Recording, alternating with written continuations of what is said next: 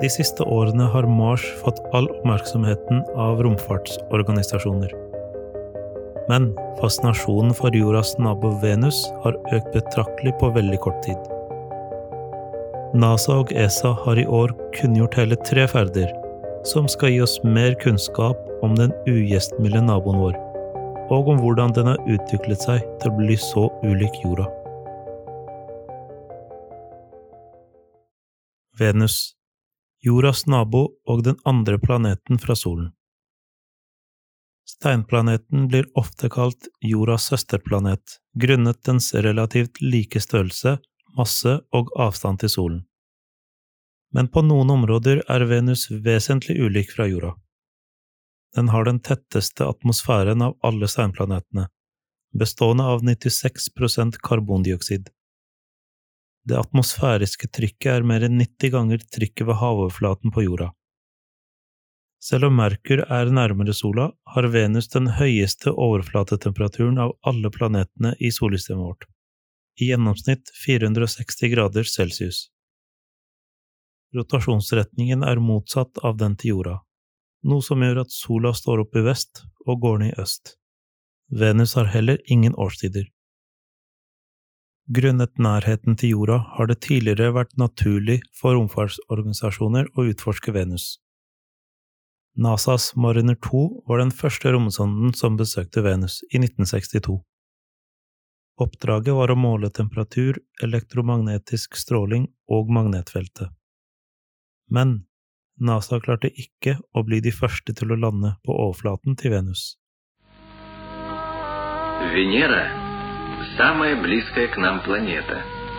Но плотный облачный покров наглухо закрывает поверхность планеты. Sovjetunionen hadde et omfattende romprogram kalt Venera, som betyr Venus på russisk, i perioden 1961 til 1984. I alt ti Venera-sonder klarte å lande på overflaten.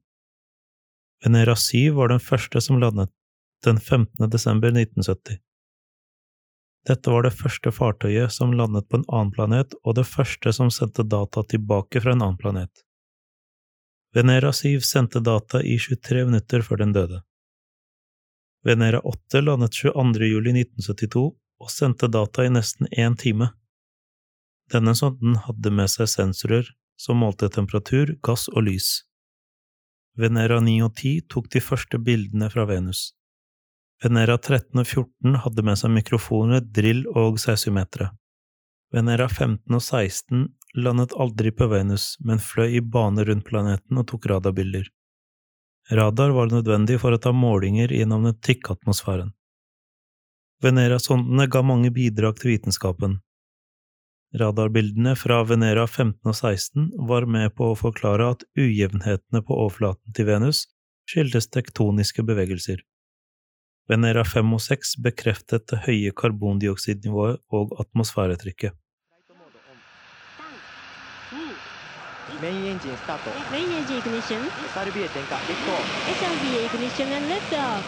engine start. Main engine ignition. SRB 点火。結構。 SRB ignition and liftoff. 近星探査機アカツキと5機の小型クエーテを搭載した H2A ロケット17号機は平成22年5月21日 Japans romfartsorganisasjon JAXA sendte i 2010 opp sonden Akatsuki.